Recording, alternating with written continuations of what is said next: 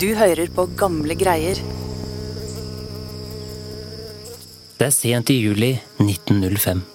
Humlene surrer i blomsterengene, slik de gjør hver sommer, og alt er grønt og frodig. Men denne norske sommeren er alt annet enn vanlig. Det hersker en uro i landet. Fra budeiene på setrene oppe i fjellene til gategutten i kortbukse i Kristiania. Tenker på det samme.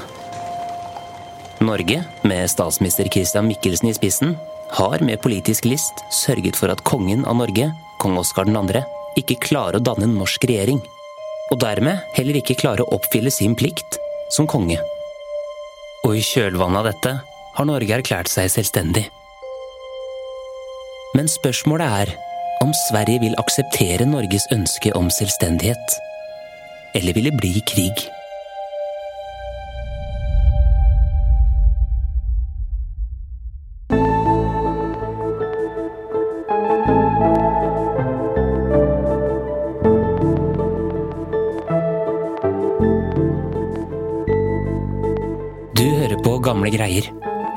Podkast fra Nasjonalbiblioteket. Mitt navn er Lars Hamren Risberg. Dette er andre episode av Drama bak Norges selvstendighet.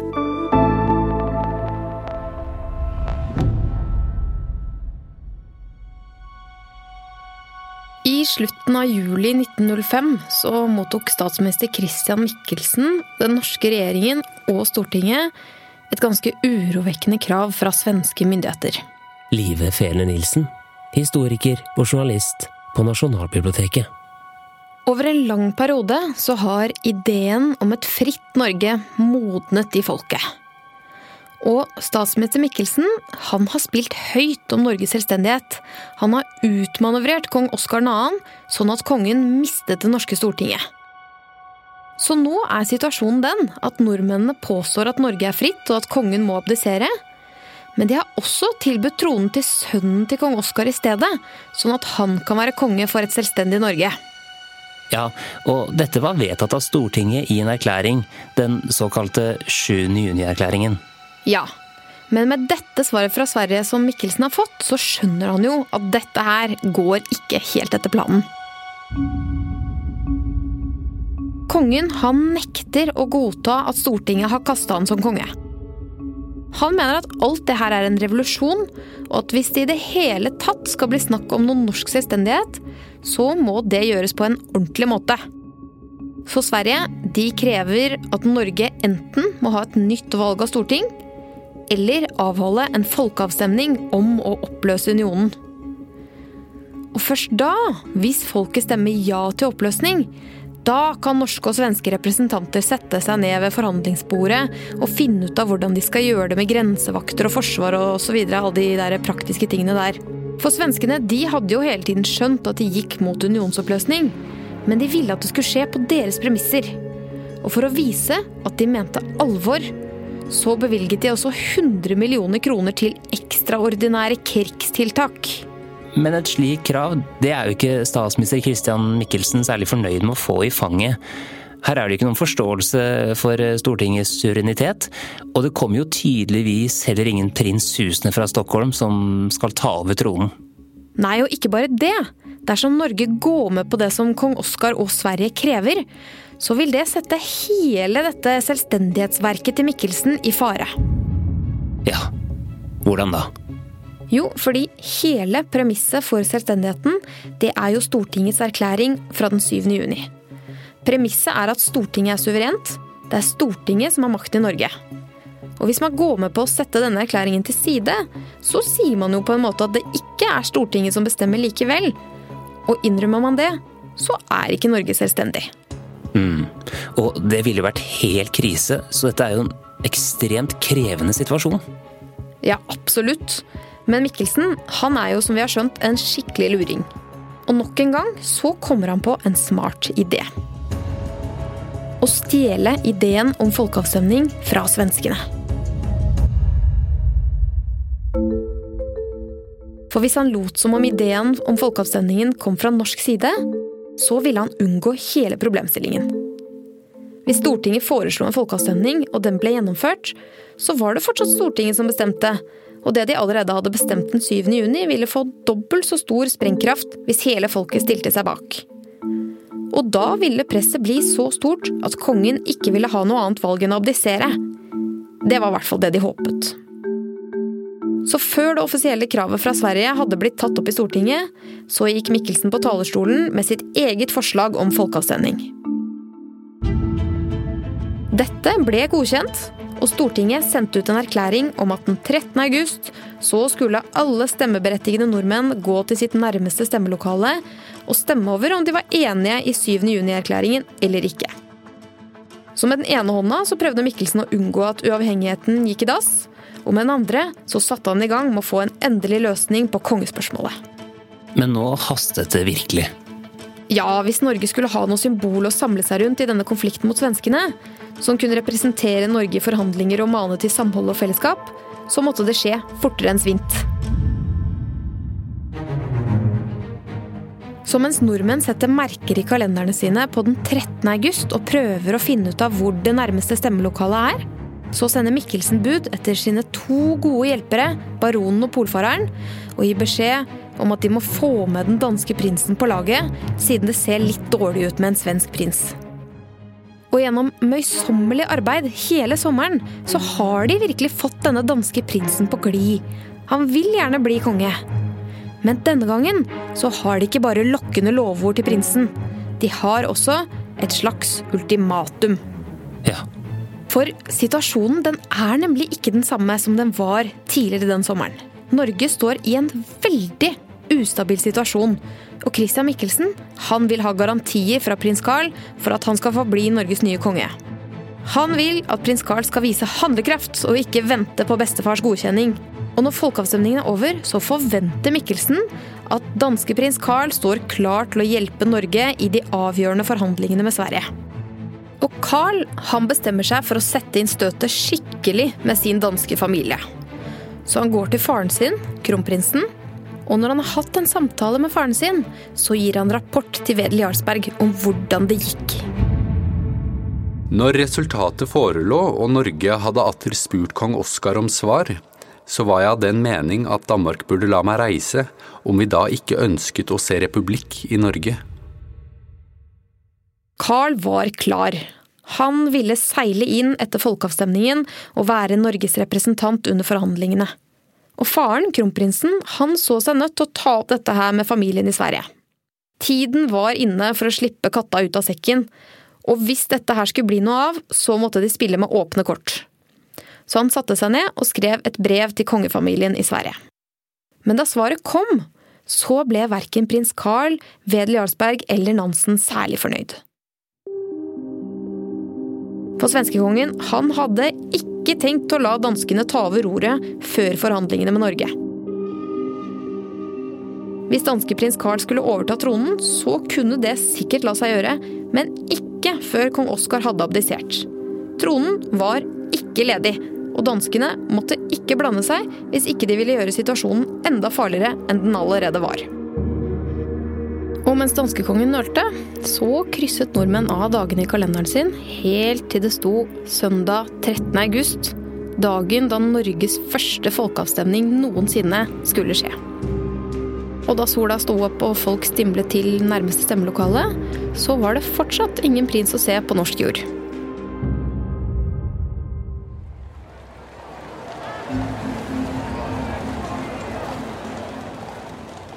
Det ble rekordmange som møtte opp og puttet en stemmeseddel i boksen.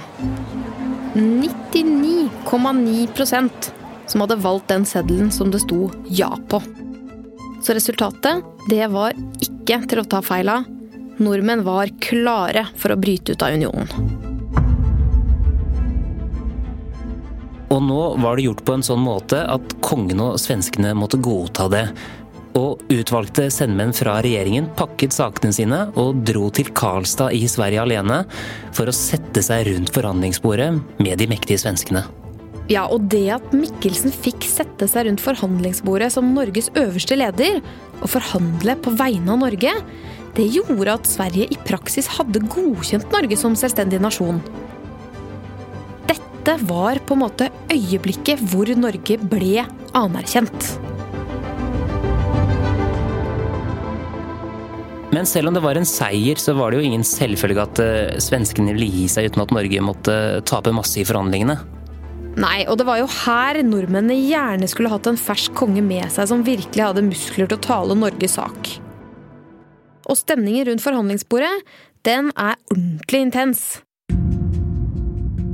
Og det er særlig ett punkt som det er veldig mye krangling om. Og det er om Norge skal måtte rive grensefestningene sine eller ikke. Og det var ingen tegn ennå til at det i det hele tatt var mulig å bli enig. Og nå begynner det her å bli ordentlig alvorlig. På grensa så står svenske soldater og tripper.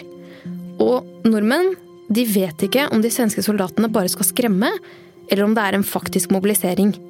Men de tør jo ikke å satse på det første. Så den 13. september så går det ut en ordre om delvis mobilisering av det norske forsvaret. Dette var jo dramatisk, livet. Ja, det er det virkelig. Så den norske delegasjonen de tar da en pause fra forhandlingene og drar tilbake til Kristiania for å høre om ikke de kan komme svenskene litt i møte i denne saken om grensefestningene. For nå er det virkelig alvor her. Og etter å ha tenkt seg om litt, så sier da resten av regjeringen ja til dette. Og Mikkelsen og de andre i delegasjonen kan dra tilbake til Karlstad og si til svenskene at de går med på å rive disse grensefestningene. Og hvordan reagerte svenskene på det? De reagerte med å si at ok, da ordner dette her seg, og det blir ingen krig. Og unionen, den skal oppløses.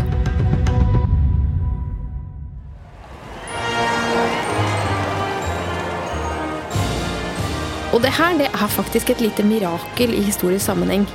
Det at en union ble oppløst på denne måten, uten krig, det var altså helt unikt i europeisk historie. Og i slutten av september så kom avtalen endelig på plass. Freden var i boks, og nå gjensto det bare for partene å signere på avtalen og for kong Oskar å abdisere før Norge var et selvstendig land som kunne velge sin egen konge.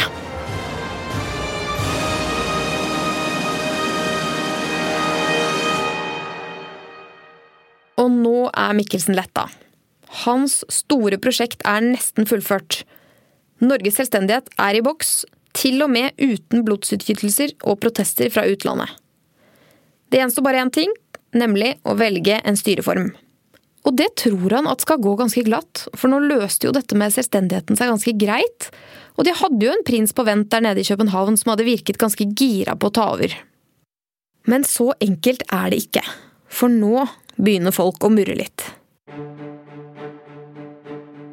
For det første så er det ingen i Norge som vet hvem prins Carl av Danmark er. Og for det andre så er det ganske mange som ikke ser vitsen i å ha en konge i det hele tatt. Norge greier seg jo helt fint på egen hånd. Men Mikkelsen han vet at kaoset vil bryte løs hvis man skal begynne å diskutere republikk nå. For det står nemlig i Grunnloven at Norge er et monarki. Og hvis man skal begynne å endre på Grunnloven også, da blir det bare kaos. Nå vil han rett og slett bare få dette her i boks, få rodd i land, sånn at han kan puste lettet ut. Så han går til Stortinget og forteller at han har forhandlet med prins Carl av Danmark, og foreslår at han skal få tilbudet om å bli Norges nye konge. Men da er det en del av politikerne på Stortinget som sier at hei, vent nå litt. Ja, vi gikk med på Bernadotte-tilbudet forrige gang, siden du så sleipt gjorde det helt umulig å la være. Men vi syns egentlig at en republikk er en ganske god idé, vi. Og det mest rettferdige, det er å ha en folkeavstemning om det. Så enda en folkeavstemning? Det var vel ikke Mikkelsen spesielt interessert i? Nei. Så da var det bare én ting å gjøre, da. Han spør selvfølgelig Fridtjof Nansen om hjelp til å påvirke folk. Men denne gangen er det faktisk ikke bare Fridtjof Nansen han spør. Han spør også dikteren og superkjendisen Bjørnstjerne Bjørnson om hjelp. Og det litt spesielle her, det var at Bjørnstjerne Bjørnson han hadde vært en overbevist republikaner hele tiden. Men Mikkelsen klarte å snu han, og han gikk med på å prøve å overbevise folk gjennom å bruke sin buldrende røst og sin skarpe penn. Det større er da vel at avsette en konge og at oppsige en 90-årig union. Det mindre er at finne en ny statssjef. Har regjering og storting hatt rett til det første, så har de selvsagt rett til det andre. Og det så faktisk ut til å funke. For republikanerne ropte og ropte om folkeavstemning, men det så ut til at de ikke skulle få viljen sin. Og statsminister Mikkelsen han bestemmer at Stortinget skal ta stilling til prins Carl som norsk konge bak lukkede dører på Stortinget den 18. oktober, uten folkeavstemning. Og han feirer med å kose seg med hummer i statsministerboligen sin dagen før. Og endelig så har statsminister Christian Mikkelsen seieren i lomma. Ja, eller det er det han tror, da. Men når han våkner neste dag, så skjønner han at ikke alt er som det skal. Han føler seg skikkelig dårlig i magen av all den hummeren dagen før. Og han er nødt til å sende beskjed til Stortinget om at hele avsendingen må utsettes. Men ikke bare det. Mens han ligger der og vrir seg i mageknip, så kommer det et telegram med veldig dårlige nyheter fra Danmark. Prins Carl har fått med seg republikanernes protester i Norge. Og han har rukket å bli ganske lunken til hele dette kongeprosjektet. For det tilbudet han får nå, det er jo egentlig bare å være nikkedukke for Mikkelsen og den norske regjeringen. Det er ikke noe han eh, bestemmer eller styrer selv. Han har spilt fra seg sjansen til å være helt i skinnende rustning, og nå er det bare skall igjen. Og Carl han er heller ikke så gira på å bli konge nå hvis han risikerer å bare bli pælma ut om et par år fordi nordmenn egentlig vil ha en republikk. Og dette her er jo ganske krise for Mikkelsen. Hele korthuset hans er i ferd med å rase. Og da er det selvfølgelig bare én ting å gjøre. Nok en gang så må Nansen pakke kofferten og reise sørover til kongenes by. Og han gjør seg klar til å prøve å overbevise prinsen. Og de to de begynner å forhandle. Og prinsen han har nok alltid syntes at Nansen var en ganske imponerende figur, og hatt en god del respekt for han også. Men nå skjedde det noe som fikk den respekten til å gå begge veier. For prins Carl argumenterte for at uten en folkeavstemning så ville han ikke ha folk i ryggen. Og han argumenterte så overbevisende og med en helt ny trygghet og selvtillit som gjorde at Nansen bøyde seg og anerkjente prinsen sitt standpunkt. Og det var dette, mer enn noe annet, som snudde prins Carl. At Fridtjof Nansen backet han, hadde ryggen hans, det hadde mye å si. Så han sa at ok, jeg kan bli konge hvis folket ønsker meg, men det må være folkeavstemning først. Og da har vel ikke Mikkelsen så mye valg? Nei, da er det ikke så mye mer man kan gjøre, rett og slett. Bortsett fra selvfølgelig da, å gjøre det han kan for å snu situasjonen til sin fordel. Hvis dette ikke kommer fra prinsen, men fra Stortinget, så vil både Stortinget og statsministeren beholde sin ære og legitimitet, akkurat som med forrige folkeavstemning. Så enda en gang så skynder han seg av gårde og foreslår en folkeavstemning for Stortinget. Og i stedet for å spørre folk om de vil ha republikk eller monarki, så sier statsminister Mikkelsen at folk skal få si om de er enige eller uenige i denne setningen her. Er den stemmeberettigede enig i Stortingets bemyndigelse til regjeringen om å oppfordre prins Carl av Danmark til å la seg velge til Norges konge, svarer han ja.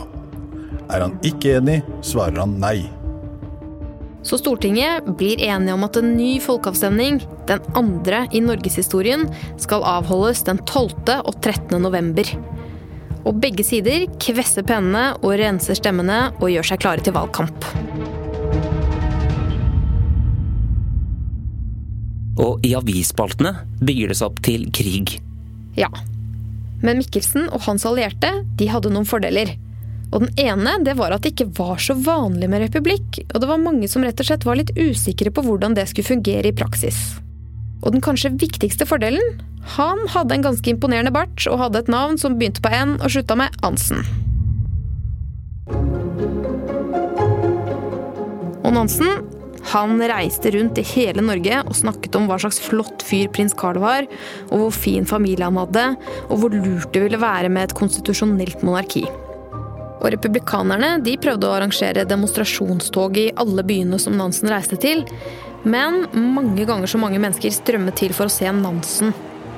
Og den siste dagen av turneen, i Trondheim, så må de republikanske demonstrantene i gaten ha blitt ganske lange i maska da de så hvor mange tusen mennesker som hadde kommet for å rope hurra for alt som polfareren hadde å si.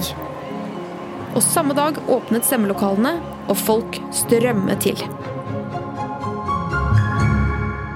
Og da var det gjort. Ja, da var det gjort.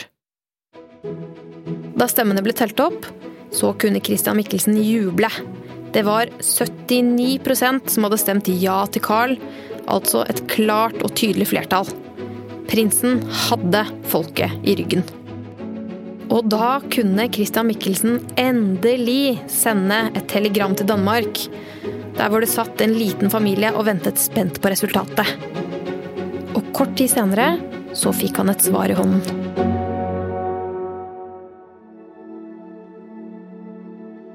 Til den norske regjering sender min hustru og jeg en varm og hjertelig takk og hilsen. Carl. Prins Carl av Danmark var blitt kong Haakon den syvende av Norge, og lille prins Alexander var blitt kronprins Olav. Før ankomsten så sendte den ferske kongen beskjed om at det nye valgspråket hans skulle være 'Alt for Norge'. Og så ga det beskjed til tjenerne om å pakke ullfrakkene og pelskåpene, og så gjorde de seg klare til å ta farvel med familien i Danmark.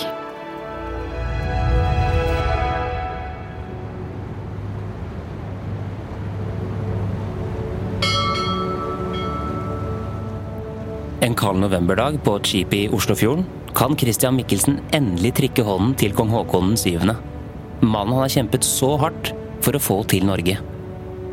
Og med det kan Michelsen sette kronen på verket på sin kongstanke.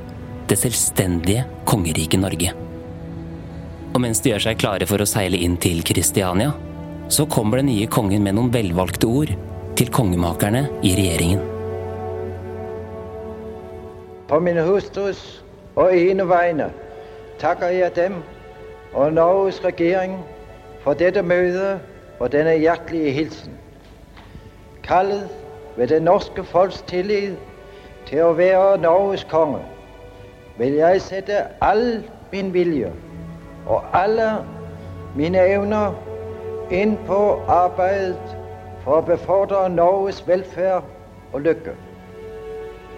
Men forutsetningen for dette mitt arbeid skal lykkes, er at jeg tør regne på det norske folks tillit og støtte. Denne ber jeg dem, mine herrer, alle efter evne være i sin stilling og yte meg. Så vil vi tillitsfullt se fremtiden i møte. La oss samles i et levende år.